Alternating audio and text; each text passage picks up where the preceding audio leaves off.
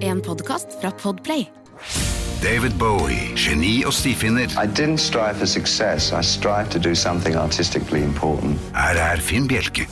Mitt uh, første møte med Black Star, David Bowies siste plate, var en mail fra plateselskapet. Bowie kommer med en plate i morgen, var den korte meldingen. Lasarus-videoen hadde vært vanskelig å se på.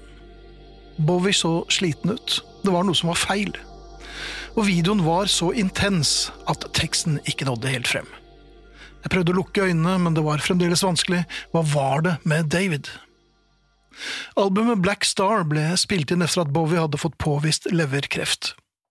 Innspillingen startet i januar 2015 i kjølvannet til arbeidet med forgjengeren The Next Day. Godt hjulpet av Donny McCaslins jazzgruppe er Bowie kompromissløs som vanlig.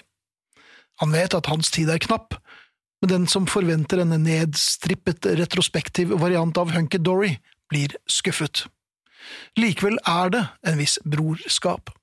For Davids halvbror, Terry, som antageligvis blir omtalt i blant andre The Bewley Brothers på Hunky Dory, var den som presenterte Bowie for jazzmusikere som John Coltrane.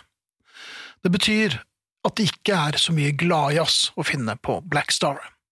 Som tidligere er jazzen i Bowies univers der for å understreke noe mystisk og noe skummelt under overflaten.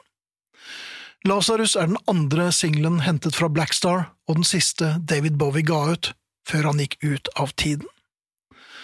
Å høre den etter at vi nå vet hvor i livet Bowie var da han spilte den inn, gjør den enda mer hjerteskjærende.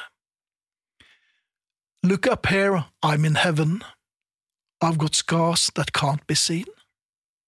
Tre dager senere våknet jeg av en tekstmelding. Det kan ikke være sant, sto det. Nei, det er ikke det. Jeg nekter. Gud velsigne David Bowie. Tusen takk for meg.